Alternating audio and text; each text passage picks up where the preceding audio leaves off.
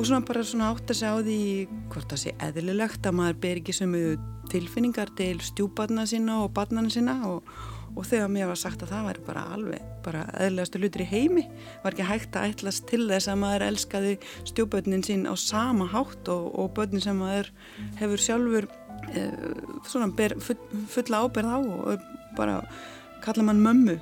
Þá hætti maður að kannski allavega ég að vera svona, svona grimm við sjálf mig varandi það. Mér finnst það rosalega dyrmætt að eiga töfald setta fóröldrum og ég hef líka sagt ég er svo heppin að amma og afi skildi mér sér líka þannig að ég átti alltaf þrjá afa og þrjá römmur og töfaldar skamt af, af fóröldrum og við erum fimm sískininn sem er bara aðeinslegt og þetta er bara það dyrmættasta sem ég á, það er alltaf fjölskylda minn. Ég veit ekki hvað þú hefur kallað að þroska, bara volðarstöndum kannski að leggja svona eiginhagsmuna semina þú veist svona aðeins til hliðar ekki bara að hugsa hvað ég vil heldur bara þú veist hvað er gott eins og fyrir börnin Um 40% hjónabanda sem stopnaði til Íslandi enda með skilnaði og hér á landi gifta sig heldur alls ekki allir þóður að vegna spörd saman. Það er því ansi mörg hjónabönd og sambönd sem enda með því að fóreldrar fara hvort í sína áttina og mörg börn sem eiga tvö heimili.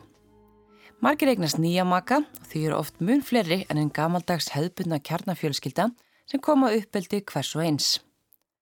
Samsettar fjölskyldur eru mun algengara fjölskylduminstur en áður var og þeim mæta allskins áskoranir. Í þættinum í dag ætlum við að tala um stjúptengsl. Valgerður Haldástóttir, félags- og fjölskyldurákjafi, þekkir heim samsettra fjölskyldna vel. Hún hefur frá árinu 2004 reikið vefsíðun á stjúptengsl.is og starfa sem ráðgefi sem hefur sérhaft sig í stjúptengslum. Ég sjálf hef allæfi búið einhverju útgáfa á stjúpfjölskyldu og það er náttúrulega hvernig marga spurningar þegar maður stopnaði sín eigin stjúpfjölskyldu síðan og svo er ég líka mentað félags- og fjölskylduráðgjafi þannig að þetta er náttúrulega svið sem kemur í nokka borð þannig að það er bara bæði faglegt og persónulegt. Valgeru segir sífælt fleiri leita sér ráðgjafar vegna stjúptengsla í dag en áður. Fólk sé ófeimnara við að tala um þessu allskynns annars konar áskorunni sem mæti þessum fjölskyldum. Það eru mjög marga stjúpfjölskyldur og það er ekki bara kjálfar skilnaði sambúðaslít. Það er líka mikið að börnum fætt utan sambúðar og hjónabands. Nú svo eru börn í dag getið með gjafasæði og, og, og þú veist fólk fyrir síðan í sambúð og kemur börn og þannig að marbreytileikin er mjög mikið. Það er ekki bara skilnar og sambúðaslitt. Þannig að sumur hafa ekkert farið gegnum það þegar þau stopna sína fyrstu stjúfjölskyldu. Það getur oft tekið á alla í fjölskyldun í byrjun að sætta sig við nýja stöðu. Þegar við tölum kannski um skilna og sambúðaslitt, þá erum við öll búin að fara í gegnum einhvern missi. Þó svo við viljum slíta þessari sambúða hjónabandi, þá er þetta samt ekki þanga sem ætluðum okkur.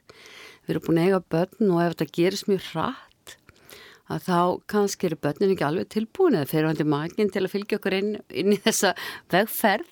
Þannig að við kannski upplifum svona alls ekki smótlæti og mótstu og sama tíma eru við kannski með einhverja sektakend og, og við veitum kannski ekki alveg hvernig við varum að snú okkur út úr þessu.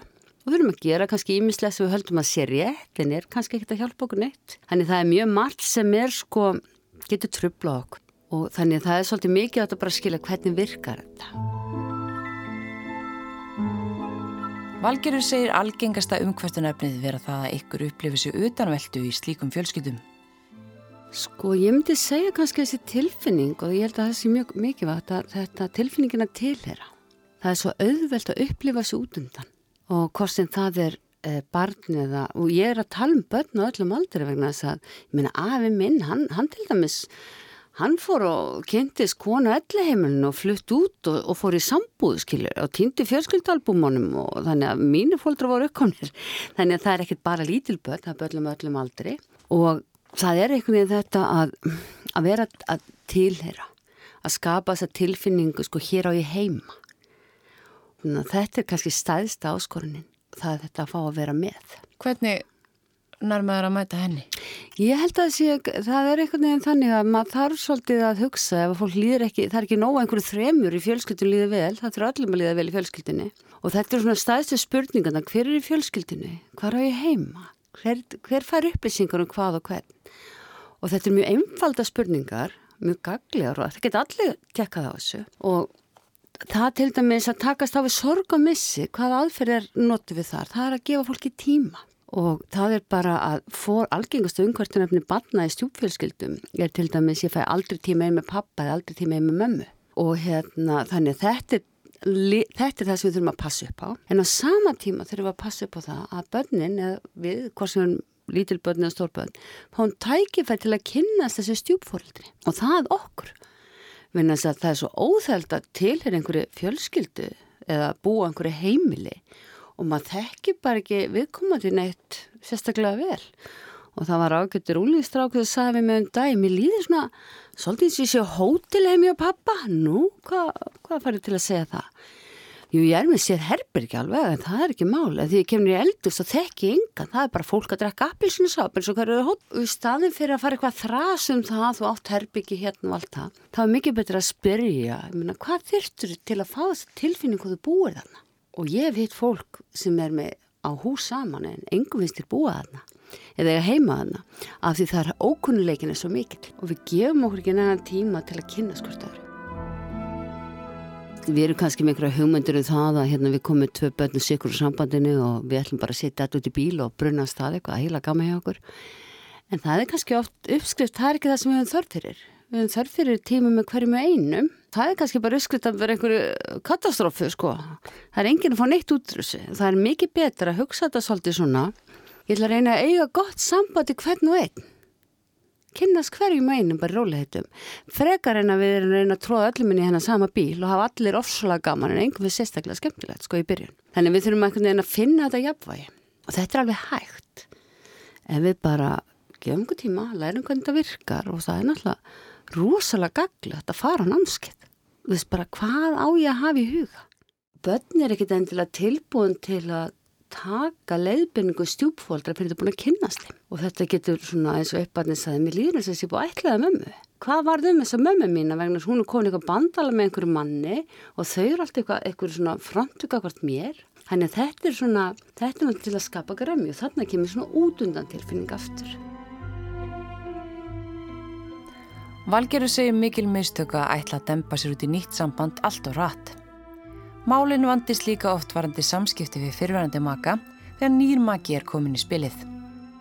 Fóreldra séu oft í miklum tengslum sín á milli og þegar nýjum makin kom í spilið þá sé hann ekki hafðu með í ráðum.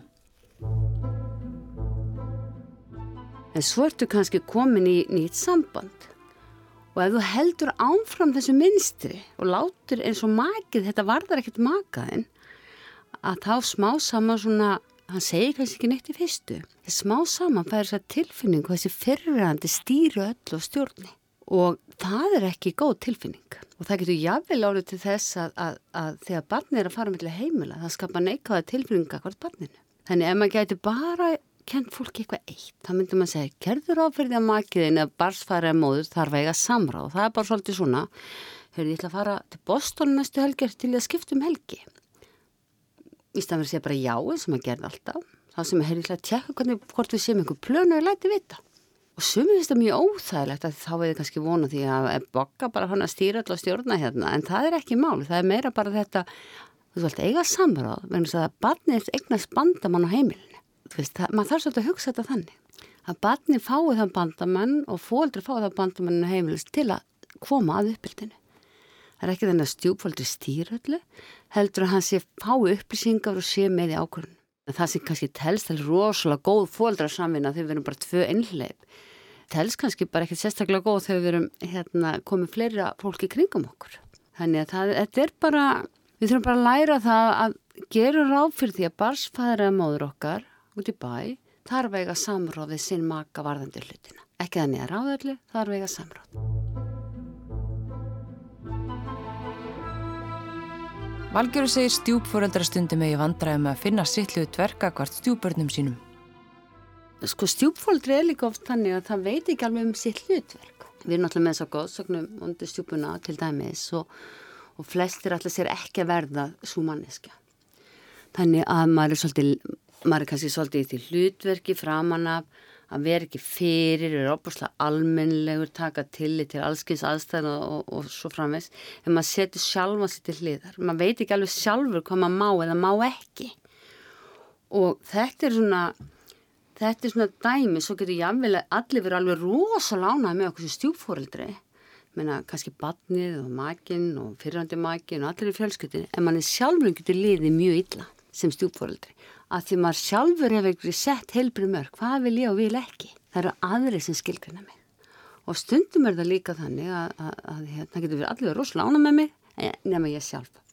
En svo er það líka stundum þannig að börnir er kannski ekki tilbúin endilega í fyrstu til að hitta nýtt stjúpfóröldri Og þessin er svo mikið vat að þegar það er að fara í gang svona nýjar stjúfjölskyldur og maður læri svolítið hvernig er skinsamlegt að gera þetta.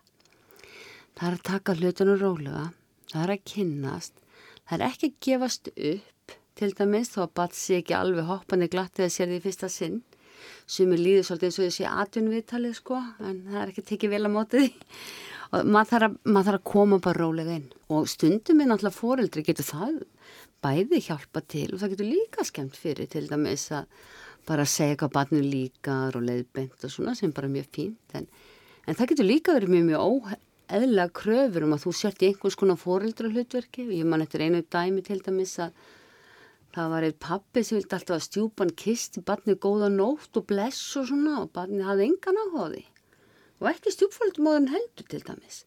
Þannig að að hann var fann að skammast í þessari auðmyggjans konu verður hún var ekki nógu almeinlega, hann var ekkert skrítið að barni vildi ekki kissa henn að bless og góða nótt og svona og, og hún var fann að upplifa það að skilja að, að því hún náði ekki þessu tengslu við þetta barn sem pappin vildi eða styrði að það var þetta barnmálið þannig það var bara að fara að ráða sko ef að þetta barn vildi ekki kissa hana góða nótt eða bless það væri bara sambandinu lókið þetta var svo mikið á ábyrg settir þetta blessaða barn og það er tvær. Og svo þegar hann fengur nú bara smá leðsögn með þetta bakkaði hann aðeins út. Leiði þeim bara búa til sitt samband. Skilur þau hvernig vilt þú bara segja góða nótt við þetta barn og hvernig vilt þetta barn segja góða nótt við þig?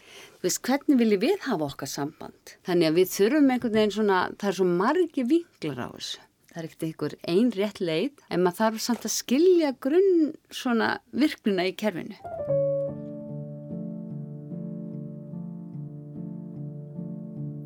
Sigriður Dögg Auðunstóttir, fréttamaður, til er samsettri fjölskyldu og það er meira að segja dálitið flókin samsetning. Þegar hún kynntist manninu sínum átt hann þrjú börn með þrjömu konum og sjálf átt hún dóttur úr fyrra sambandi.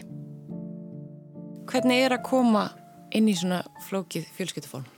Já, ég held að maður spá ekkert í það svona á þessum stegum þegar maður kemur inn í svona samband. Maður verður bara ástfangin og, og fer bara inn í sambandið og æg þegar maður er á eitthvað svona bleiku skýi þá, þá er allt svo auðvelt og maður hugsa bara um það jákvæða og hvað maður er að eignast mikið og fá mikið og öll þessu auka bónusbörn og allt það. Það er bara, ég held að það sé eina leiðin einhvern veginn, annars fær maður aldrei út í þetta.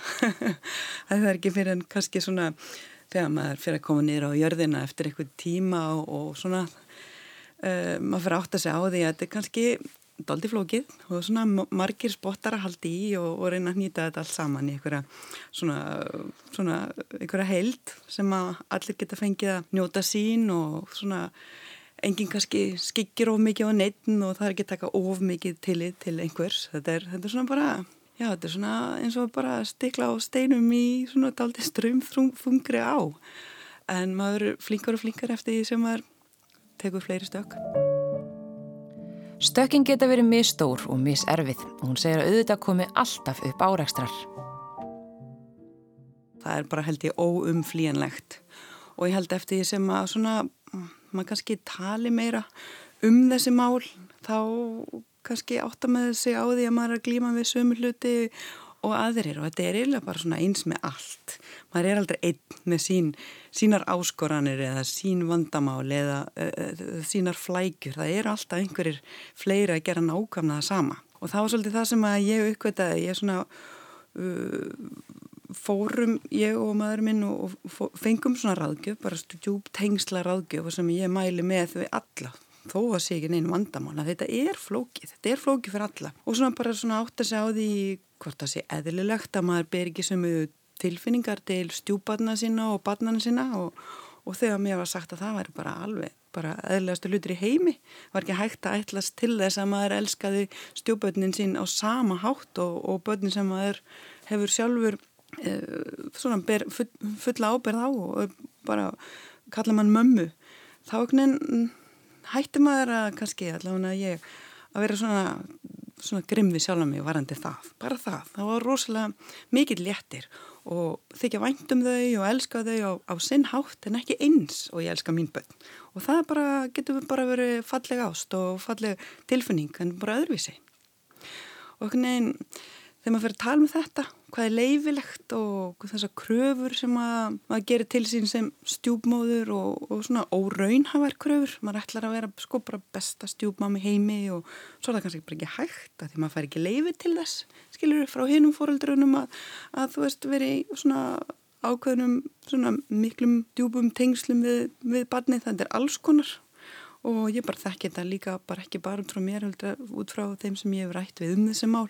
Ég skrifaði mikið á sínum tíma svona pisla um, um þessi mál í, í fréttatíman sáluga og uh, ég held ég hef aldrei fengið jafn sterk og mikil og jákvæð viðbröð við neinu sem ég hef skrifað í gegnum tíðina. Og það var bara svo mikil þorsti eftir þessari umræði stjúpmömmur og stjúppappar komið til mín og hafa samband og bara takk fyrir að segja þetta. Ég er búin að vera að hugsa þetta en aldrei þurfa að segja þetta upp átt, skilur við þannig að bara svolítið skrítið að árið 2018 þá erum við ennþá svona pínuð að beiglast með þetta. Ég held að þetta sé algengasta fjölskyldu minnstra í Íslandi og, og ég veit ekki um neina stjúpfjölskyldu sem að engin vandamál og engar svona kræfjandi aðstæður komu upp þannig að við þurfum að tala meira um þetta. Við þurfum að tala meira um þetta, segir hún og það hefur hún svo sannarlega gert. Pislatin sem hún skrifaði með um þessi mál vöktu mikla aðtegli og greinlegt að það voru fáir sem þorða að tala um þessi mál upphátt. Þú veist, þetta er ekki bara hva, hvað leifis manni í uh, svona tengslum við börnin, stjúbörnin sín, uh, hvað leifis manni í samband við samskipti við foreldra þeirra. Uh, en hvað, hvað sko hvað leifis manni líka gafkvært makanum sínum varandi sitt bann þetta er svo verður sko maður að vera að passa sig þetta verður ekki mín börn og þín börn og svo börnin okkar.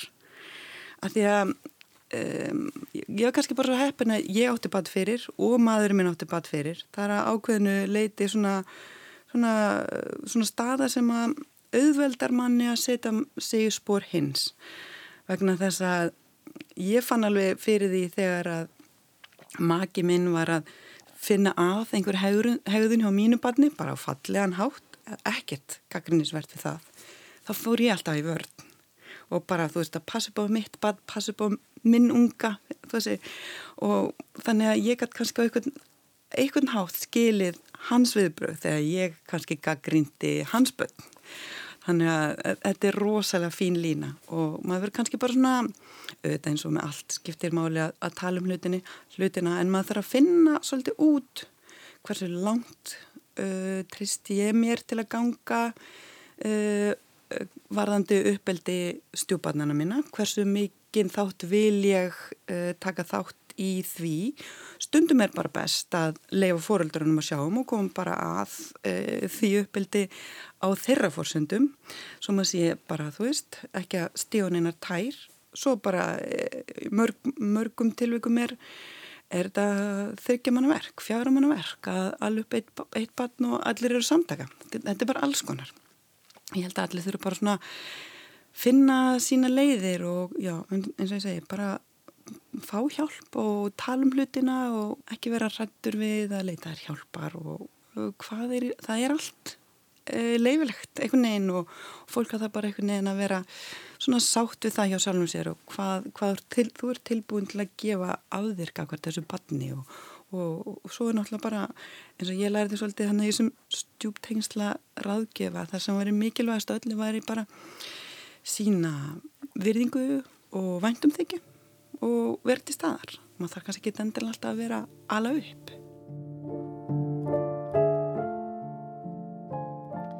Sigriður segir að í byrjun að hún ætla sér allt og mikið og gert ofumekla kröfu til sín sem stjúpforeldris.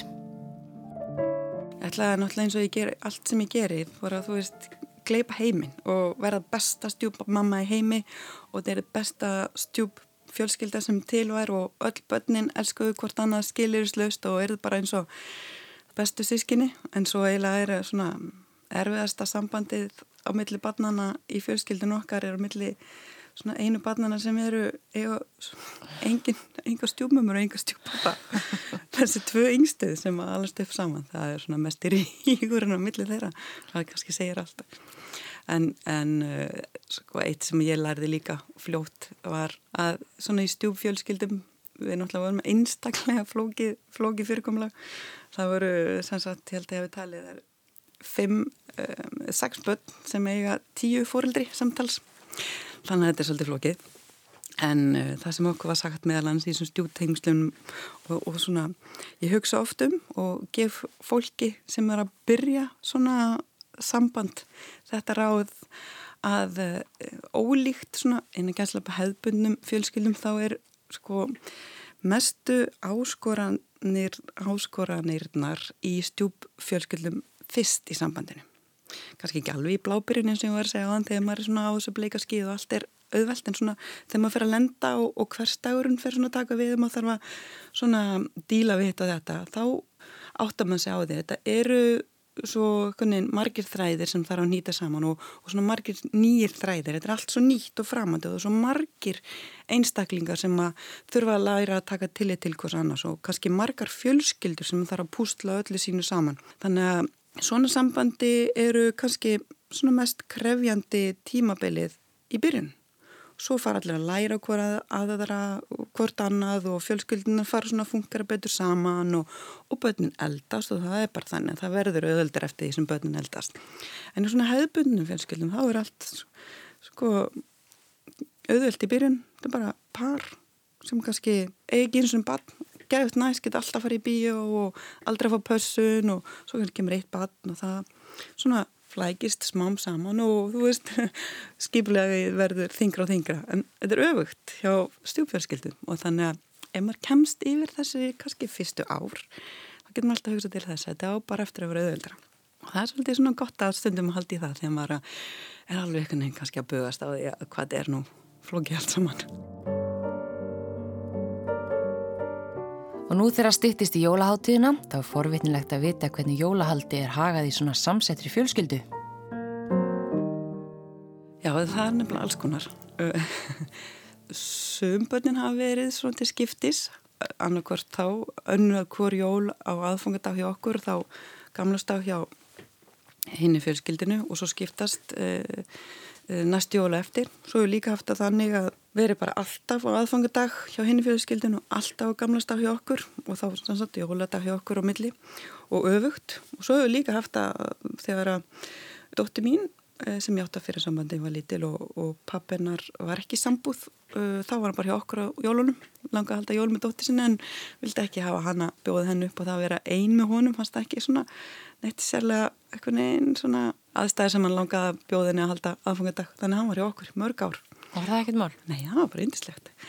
Og þetta var endar hugmynd frá, sem, kom, sem maður minn komið sem að mér varst bara mjög fallegt og ég held að ég hefði kannski ekki fattað þetta sjálf að bjóðunum en hann gerði það og þá var þetta bara einhvern veginn ennþá fallera.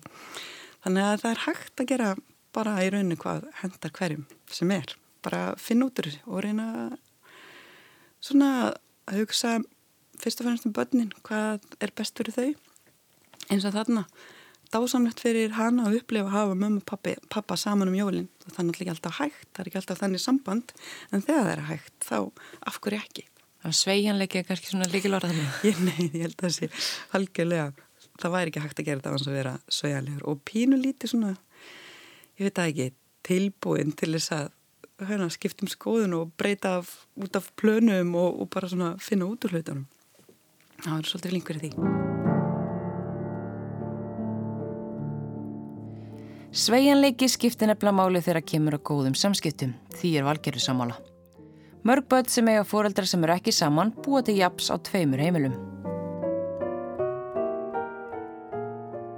Sko, það er kannski ekkit svo svakalega snúið ef þeir, við fullorna fólki getum svolítið svona, já, tekja okkur taki og, og láta þetta verði í lagi. Þetta er það ekkit alltaf auðvelt. Sundum verður við sjálf bara í uppnámi og ósátt og og okkur finnst því svíkin og, og okkur vegið og allt það en að setja hagsfunni barna sinna leðaljósi fælst í því að geta tekið sem prívat ágræning sett hann til hliðar þannig að barnið fá að njóta, njóta alls en það hefur upp á, lífið hefur upp á bjóða. Og það er líka svolítið, sko, ég, ég segi alltaf þetta með tvö heimili, börn geta alveg tvö heimili. Ég er svolítið hrifin af því að segja hérna heima merkugötu er þetta svona og heim í stóragerði er þetta svona. Af því þá er það meira svona stimplega um þessi heimili begja þegar heima þarna í staðan fyrir heima hjá mömmu og heima hjá pappa af því þá, mér finnst þetta svona sterkara fyrir barni að, að geta talað um götuheitið. Hvað er að barni heima? Mamma heima einusta og pappa heima öðrusta. Hvað er það sjálft heima? Það þarf ekkert að vera eins alltaf báðum heimil. Það er ekki nöðsilögt. Það er hins vegar samskipti fólk þurfa að vera í lagi. Ef þið er ekki í lagi þá þá maður einsetja sér að koma þeim í lag. Ekki býja að hinn breyti sér. Maður hefur alltaf einhver ábyrg líka. En vandamulega kannski ekki alltaf þar, heldur líka Það er tvö heimili og það er líka þetta inn á hvoru heimilinu sig er kannski ekki alltaf samspilir í lægi. Það er að mamma og nýjumækin, þau eru kannski ekki með hlutuna, þau eru ekki samstilt. Nýja pappi eða nýjumækin eða mamma, mamma eftir eða samkynnaði fjölskyldur. Þannig að það er kannski of meira flókið. Það er ekki bara tvö heimili, heldur líka hvernig þetta er innrétt af hvoru heimilum sig og annað sem við gerum gætna þegar við erum einhleipi fórildrar það búum við til einhver minnstur með börnunum okkar sem er kannski bara ekkert mjög gaglega.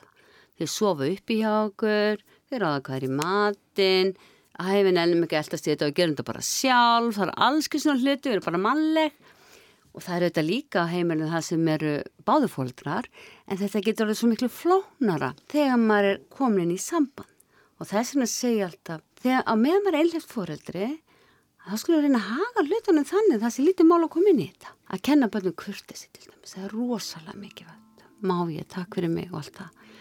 Það er svo erfitt að tengjast einhverjum ef þú ert ekki kurtes við þurfum stundum bara aðstof við þetta með börnun okkar. Hvernig getur við komið þeim í gegnum þetta? Að því þau getur bara að lifa mjög góð lífi ef við náum svona bara átt þessi fóreldrar Já, sko, stjúpfóldrar eru, sko, flesti stjúpfóldrar vilja gera mjög vel. Það er, það er hérna, og margir segja, þetta gekk rosalega vel í fyrstu. Svo einhvern veginn vindur þetta upp á sig. Og það er eins og ég nefndi á þann, kannski þetta, þegar samstarf fóldra er með þeim hætti, það er alltaf að halda stjúpfóldrunum fyrir utan. Eða þeir veit ekki alveg hvað þeir eru að stíga inn. Það er líka svona, og kannski þeir óttast líka höfnu stjúpalnana sinna og taka nátt mjög nærri sér. Þú veist, sem, sem svo þú ert inn í eldúsi og, og stjúbarnið kalla fram pabbi, má ég fá hérna eitthvað úr ískamnum og þú stendur hliðinu í ískamnum til dæmis. Og barni spyrði ekki. Og, og það, það er svona þetta getur skapa svona gremju. Þú hafði keift þetta sem var í ískamnum þú átti af ískapin og við viljum einhvern veginn við þurfum einhvern veginn að átta okkur á því þess að krakka að við þurfum bara að gefa einn tíma og þau þurfa að kynast okkur til að geta leita til okkar. Og stjúpfórildrið, sko, við munum alla æfi, fá öðru hverju þess að tilfinningu vera einhvern veginn út undan. En með því að vera við sjálfar og sjálfur og bara fylgja okkar eigin svona samfæringu, við erum ekki að taka meira okkur, við raunverulega treystum okkur til, stundum höldur og við þurfum að fara í mömmu og pappastellingarna, sko, í fyrir að virða okkar eigin mörg. Það er rosalega mikið átt að virða sín eigin mörg með tíma til dæmis. Ég mann til mig þegar ég var stjúpa að þá var hérna maður minn að miklu aðri tekjur í ég. Og við vorum alltaf að kaupa okkur íbúð og, og hver átti þá að borga þessi íbúð? Einhvern þarf að vera með börnin og allt það. Og ég tók það að mér að vera bara með börnin því að var að vinna, þetta var mjög lógist en ég get alveg sagt þetta ég tók alltaf mikið að mér. Ég var bara pyrruð og gröm og, og barni var, við vorum bara tvær að kynast þetta, þetta virkaði ekki vel. Þannig að í staðan fyrir að segja þetta, þú veist tökum okkur eitthvað hæfilega, hæfilega mikið. Svo er það stóru viðbröðnir í lífi barna. Sumir haldi allt saman, en aðrar haldi upp á allt hver í sínu lægi. Valgirur segir allan gang hver á því. Sko, það er svo sem alltilega að halda tvær visslur.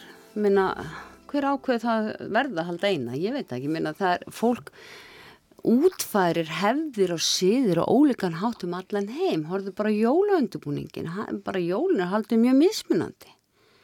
Men ég var eins og í Ástralíu, þá borði ég fiskói með pappiskórun í hátuhinu, skilur. Þú veist, á Íslandi vil ég bara rjúpur, en sko við þurfum svolítið að við þurfum svolítið að hugsa. Ef, að, ef við sjáum fram á það við treystum okkur ekki til að vera á sama stað á sama tíma þá er allt til að halda tvær vermingavíslur það er ekkert af því að halda tvær ammali en við þurfum samt að vera sína þann mandum í okkur að við mamma eru sammála um all við pappi eru sammála um all að því banninu ef, ef að það fær skilabur frá okkur okkur finnst þetta í lægi þá líður því mikið betur Vist, þannig að það er, en auðvitað er náttúrulega mjög gott ef við getum haldið þetta saman, það er náttúrulega líka bara fjárhærslega miklu ótur praktískara og neða sem er fermingar og þess aftur og amali. Þau þurfa samt sko að vita það að við séum sátt við þetta. En svo náttúrulega eins og jólinn, ég meina það er bara, hvað eru börnunum jólinn, ég meina það er bara, fólk kennst einhverju samkomlega um það og bara í góða lagi. Sjálfþekkir valgjöru tókstrættu sem getur myndast þegar maður ætlar að sinna öllum. Slík pressa myndast oft í tengslum við jólaháttíðina. Hálið er að ég á ammal á jóladag til dæmis og fóreldra mínir voru fráskilin og ég er eitthvað svona bad sem uppkomið, var uppkomið þarna að ég vildi alltaf halda upp á ammali mitt. En ég fór í jól og bóti pappa í háttíðinu kannski, svo jól bóti mömmu eftir háttíð og svo ég held ég ammali með setnipartin og mér, ég leiði eins og bara sprungnum grís, skilur ég, og svo er ég komin hérna gift kona með þrjú börn og var framkvæma þetta allt saman. Það var einhvern veginn ekki til að horfa á breytingan sem fylgdi þessu. Og ég man eftir því, ég þurfti bara einhvern veginn að ræða við fólkdur að. Þetta er bara ekki bóðni. Ekkur er velkomið að kíkja til mín á jóludag því var ammalið þá sko. En við erum held í allt og mikið að setja ofur þunga á einhverja daga og mínútur. Það má alveg halda, ég veit um einn mann sem á börn með þrejum og konum, hann til dæmis alltaf með síðasta sundag fyrir aðfangadag sem er bara stort jólabóð heim í honum, sem er ekkert af því sem er halda nota 13. sem gamlarskvöld og sko, ég er ekkert endilega með því að við þurfum alltaf að vera að þvæla börnunum á þessum dögum. Í stæðan fyrir kannski að leifa með eiga bara heilu dagana, vera afslöpuð en við erum svolítið, ég man alveg eftir sjálfur með, með það, ég var rosalega íhelsum hvernig átti að halda jól. Það var bara einhver einn uppskrift að jólum. En ég get sagt þetta eftir að ég ákvað bara að það er sett að halda jóla mjög margvíslega máta að það fór mér að líða bara mikið betur. Og svo er líka þannig auðvitað eru við þegar við eigum, eigum börn sem til er tömur heimilum að þá ger þetta þegar börnin eru kannski lítil og, og ég menna við erum ekki með sem yfirsinni við lífbarn okkar og við setjum mjög óþægilegt. En breytingar eru bara hluta lífinu. Þú veist, þegar börni verður uppkomið, þá farðu það heima og það egnar smaka og það gerist eitthvað nýtt.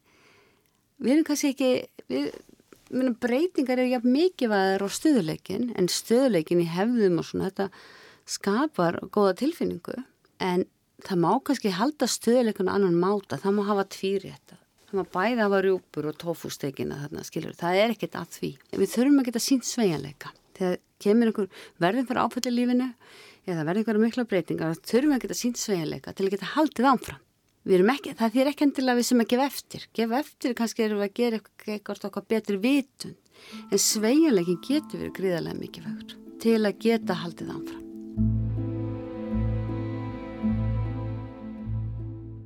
Og næst hittum við fyrir stjúpmæður, þær Björg Vilhelmsdóttur og Ingu Sveinsdóttur.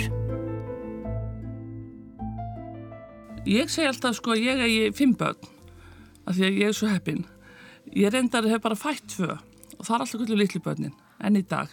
Þau eru bráðum að vera þrítu og eru sko mjög hávaksinn ah. en þau eru ennþá litlu börnin að þau eru þrjú eldri sískinni og það eru Inga, Gerður og Haugur og maðurinn minn átti þau sem sett í fyrra hjónabandi og var skilinn þegar hérna ég kom til.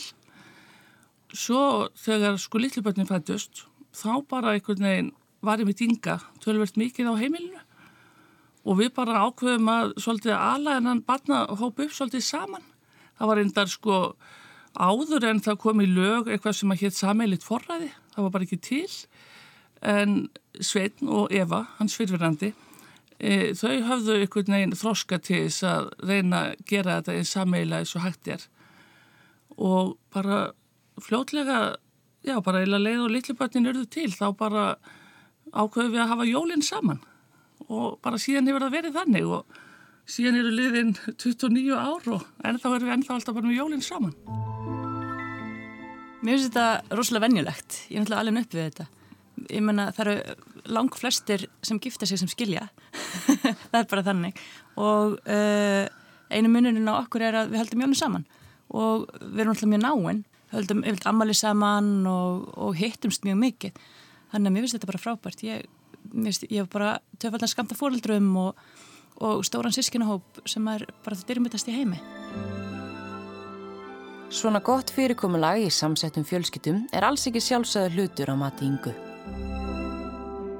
Nei, Nei, en það fyrir stundum pínulítið í töðunar á mér þegar fólk heldur að pappu og mamma hafi bara skilið og strax fyrir að halda jólinn saman og allt ógæslega fullkomið og eins og það sé eitthvað svona eðlilegt og eins og fólk eigi bara skilja og þá eigi að vera hægt að gera þá kröfu að allt verði strax rúslega gott. Úst, þetta er náttúrulega eitthvað sem gerist bara með tímanum.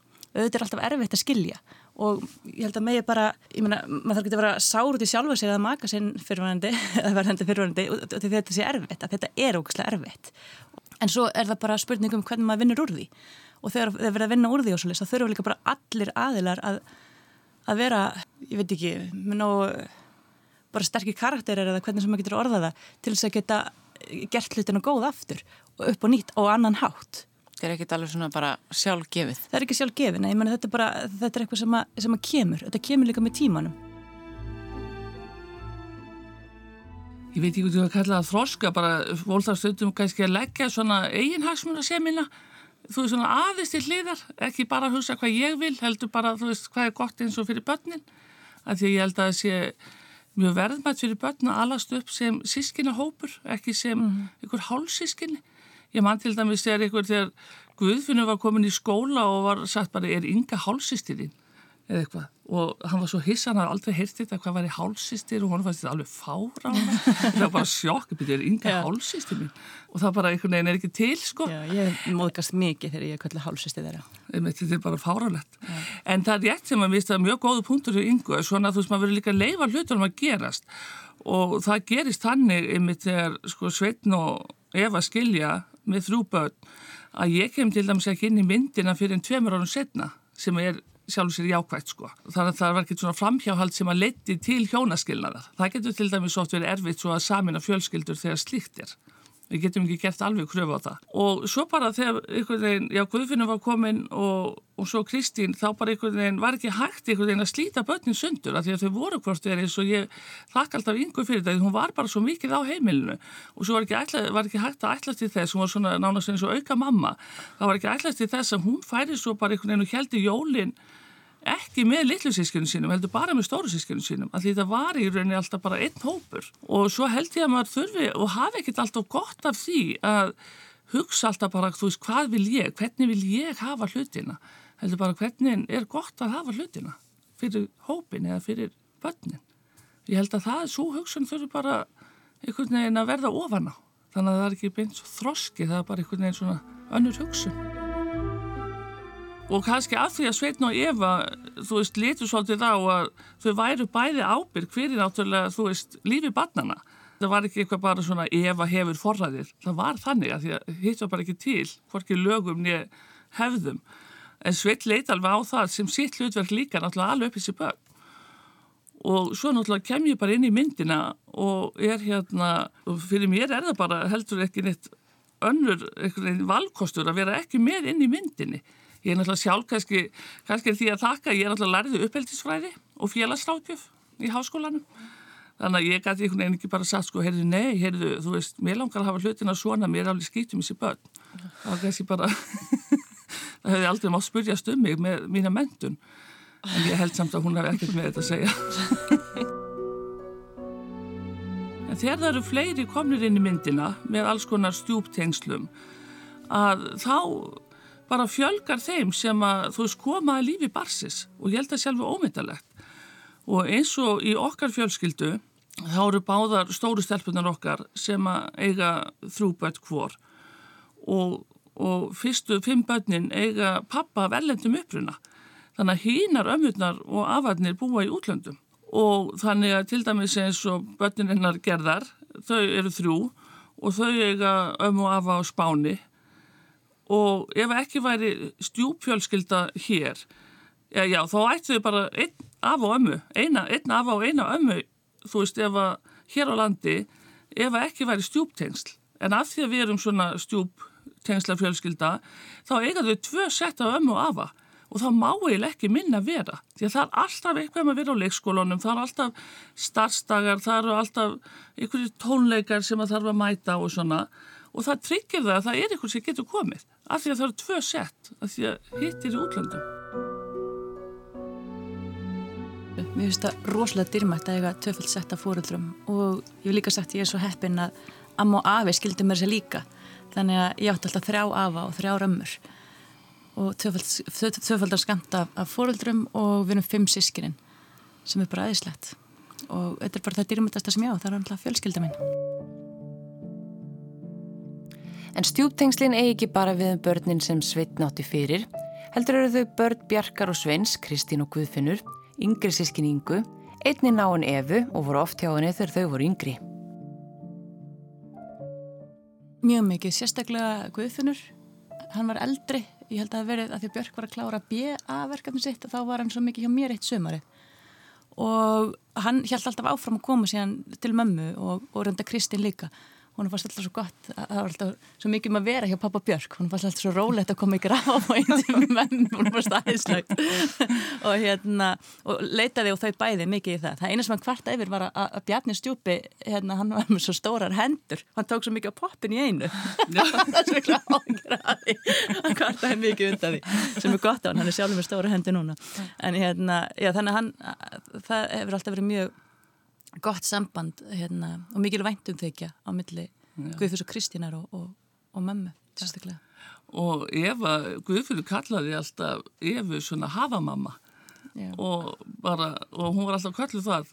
Og hérna þannig að hún er alveg sko stjúpmamma, þú veist litlubarnana, alveg svo ég er í rauninni stjúpmamma stórubarnana og það til dæmis talandum tækifærin, þá hérna var það til þess að Sveini var bóðið til Nýja sjálfans 1998 og þá voru börnin hvað, 7 og 9 ára gömul, litli börnin. Og það, við bara ákveðum það við bara með ásfyrirvara að ég myndi fara með honum til Nýja sjálfans og við myndum bara fara hringin kringum heiminn.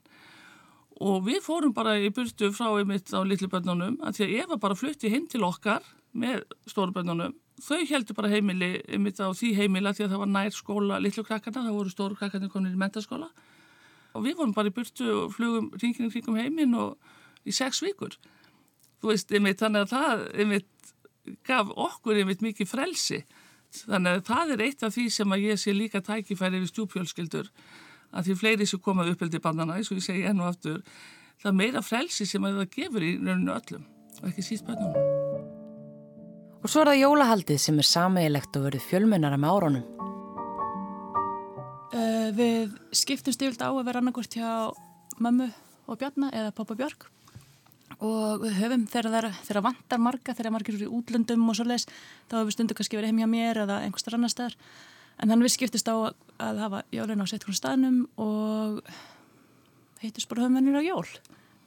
Já, en við höfum það þannig samt líka og eiginlega frá upphafi að því að allir vilja svolítið halda jól á sínu heimili eða þú veist það er svolítið þannig og við byrjuðum strax á því að við hefum líka haft e, mikla hæð fyrir því að hafa hérna svona pipakökubakstur þannig að alltaf þegar voru jól til dæmis hjá mér og Sveini þá var pipakökubaksturinn hjá Evu og Bjarnar og þegar jólin eru hjá þeim þá var pipakökubaksturinn hjá okkur. Og hann er svona nokkrum vikum fyrir jól eða svona þreim fjónum vikum fyrir jól. Og þá er það líka svolítið mikið jóla. Og það er svona heilmikið fjör í pipakökubaksturinn þar sem allir koma saman. Og og bæði baka pipakökur og skreita pipakökur þannig að það er líka þú veist svona fleira þú veist maður reynir að hafa einmitt jólinni svolítið á báðum heimilum og bara, bara býr til ykkur svona hefðir. Já. og það er svolítið skemmtilegt. Og ég er allir svona góði vinnir þá? Já, já, en við erum alltaf vennilega fjölskylda sem verðum ósamála og rífumst og, og það er að læti í okkur, komin góður. En það er okkur gaman, ég get ekki hugsað mér það öðruvísi.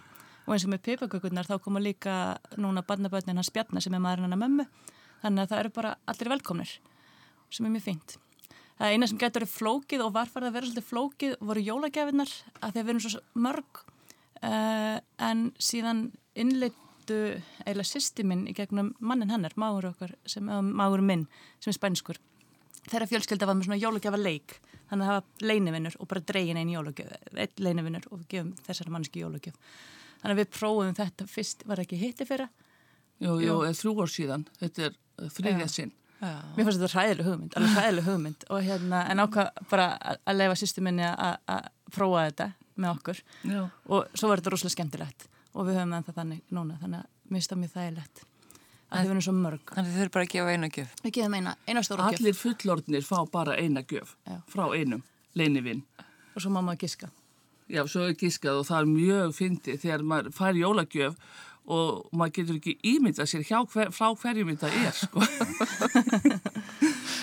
en já, þessi jólagjöfaleikur er alveg frábær og það er til að innleiða hann, ekki síður en það að fjölskyldur standi svolítið saman um allt svona veisluhöldu, hátíðarhöld, mm. einmitt barnana vegna, að þá þyrfti líka að innleiða svona eh, minni jólagjafakaup og þetta er bara ótrúlega skemmtilegt og þá fær maður líka svona vegleiri gjöf. Það mega allir kaupa fyrir svolítið mikið, eða svona kannski allt upp í 20.000 en í staðin eins og við hefum fimm börn og núna fjögur hérna tengdabörn og svo gáfum við alltaf líka Efi og Bjarna og svona bók og hitt og þetta. Þetta var orðið bara alveg fáránlega mikið og það var bara fjalli, það var sást ekki jólatrið. og ég var bara einhvern veginn komið ógeð svolítið á jólunum að því mér fannst þetta svo mikil neysla í kringum þetta og þetta var bara orðið bara of mikið. Þetta bara særði ykkur svona réttlæti skend tímanni. Var, og þannig að mér finnst þessi jólagjafalegur sem að kom til okkar í gegnum okkar spænska tendasón bara algjörlega stórkoslegt. Þegar börninu voru að alastu upp þá áttu þau heimili á móðu sinni og voru alltaf velkominu heimili föðu síns og bjarkar þó þau hafa ekki átt sér herbyggi þar. Það var alltaf þannig þá, það var ekki gert ráð fyrir því núna að bönnin getur búið hjá mömmu sinum, búið hjá pappa sinum, alltaf á báðum stöðum og, og, og vera með sér, herbyggi á báðum stöðum. Það var aldrei sér herbyggi fyrir okkur hjá uh, pappa Björk en við vorum svolítið alltaf velkomin þangað og við ólumst upp sem hluta fjölskyldinni og við vorum alltaf einn stór fjölskylda en það var ekki vegna að við vorum með sér herbyggi uh, heldur var það bara fjölskyldan sem að gera okkur hluta fjölskyldinni. Að því að maður heyrir oft svona kröfur í dag um að, börnin hafi það að sé jaft á báðum stöðum þau séu til skiptis að, jafn mikið til skiptis á, á hverju heimilum sig. En það er kannski ekkert, þau verður ekkert skipt með einhverju megin máli hjá ykkur. ekki hjá okkur. Það var náttúrulega líka bara, að, heimurinn var alltaf öðruvísi þá og, og þá bara þegar fólkdra skildu þá voru krakkarnir alltaf hjá mömmunni og, og, og heimsóti pappa sinn bara öðru kvoru. Þannig að eða um helgar og, og reglulega en, en byggu ekki endilega þar. Þannig að það var, já, það var öðruvísi. Ég held að það sé líka eitthvað sem við getum bara haft áhrif á og við eigum ekki að líta á það sem sjálfsæðan hlut að það sé svolítið skrítið að bat sér fyrst velkomið þegar það er eh, foreldrið og stjúforeldrið sem búið að koma sér upp þannig aðstöðu að það getur verið í sér herbyrgi með sér rúm og helsta og sér skjá þar sem það getur bara leið upp í rúmi með iPadin og loka staf. Þú veist, þá er þetta ekki hluta af fjölskyldunni ef að það er búið að koma þér eitthvað fyrir út í hotni þar sem þú getur lokað þig af. Ég held í mitt að við þurfum bara að, bara að hafa áhrif á það að börn séu velkomin án þess að það séu ykkur x margir fermetrar fyrir hvert barn. Það er bara ekki málið. Eh, Þú ert sjálf skilinn Já, og ert þá með hérna, fyrirvarandi maka. já. Hvernig er fyrirkomulagi þar? Uh, Stelpunir eru eh, með lögheimili hjá mér og eru með sér herbyrgi hjá mér. Uh, og pappi þeirra hann, hann býr á hæðin, fyrir neðan og með sinni konu og sinni hennar. Og það er fara til hans tvisar í viku og gista þar. En það er, já, Var það ekkert mál? það er æðislegt. Ég held að það er þið rosalega erfitt og ég held að myndi reyna mjög mikið á skapið mitt en ég er greinilega svo mikið ljúmenni þetta, nei, þetta gengur rosalega vel. Þetta er rosalega þægilegt og sérstaklega fyrir þær. Þegar það fara til pappa síns að þá er það bara hæðin fyrir neðan. Það gæti alltaf verið nær.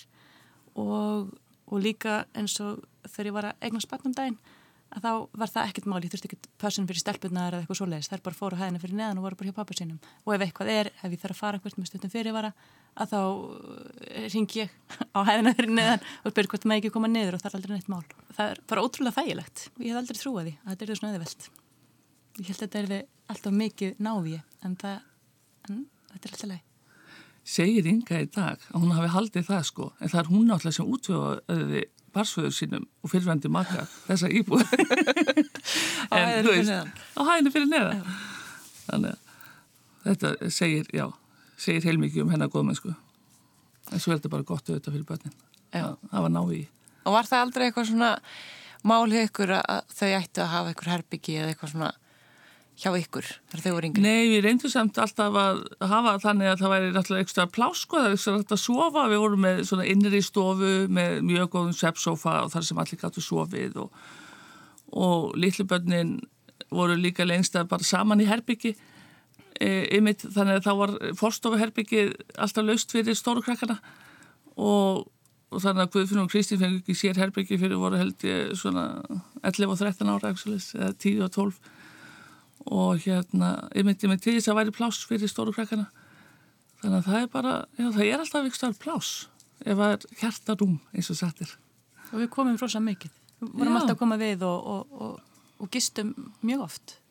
bara eiga nógu mikið að sengufötum og sengum og það var alveg nóg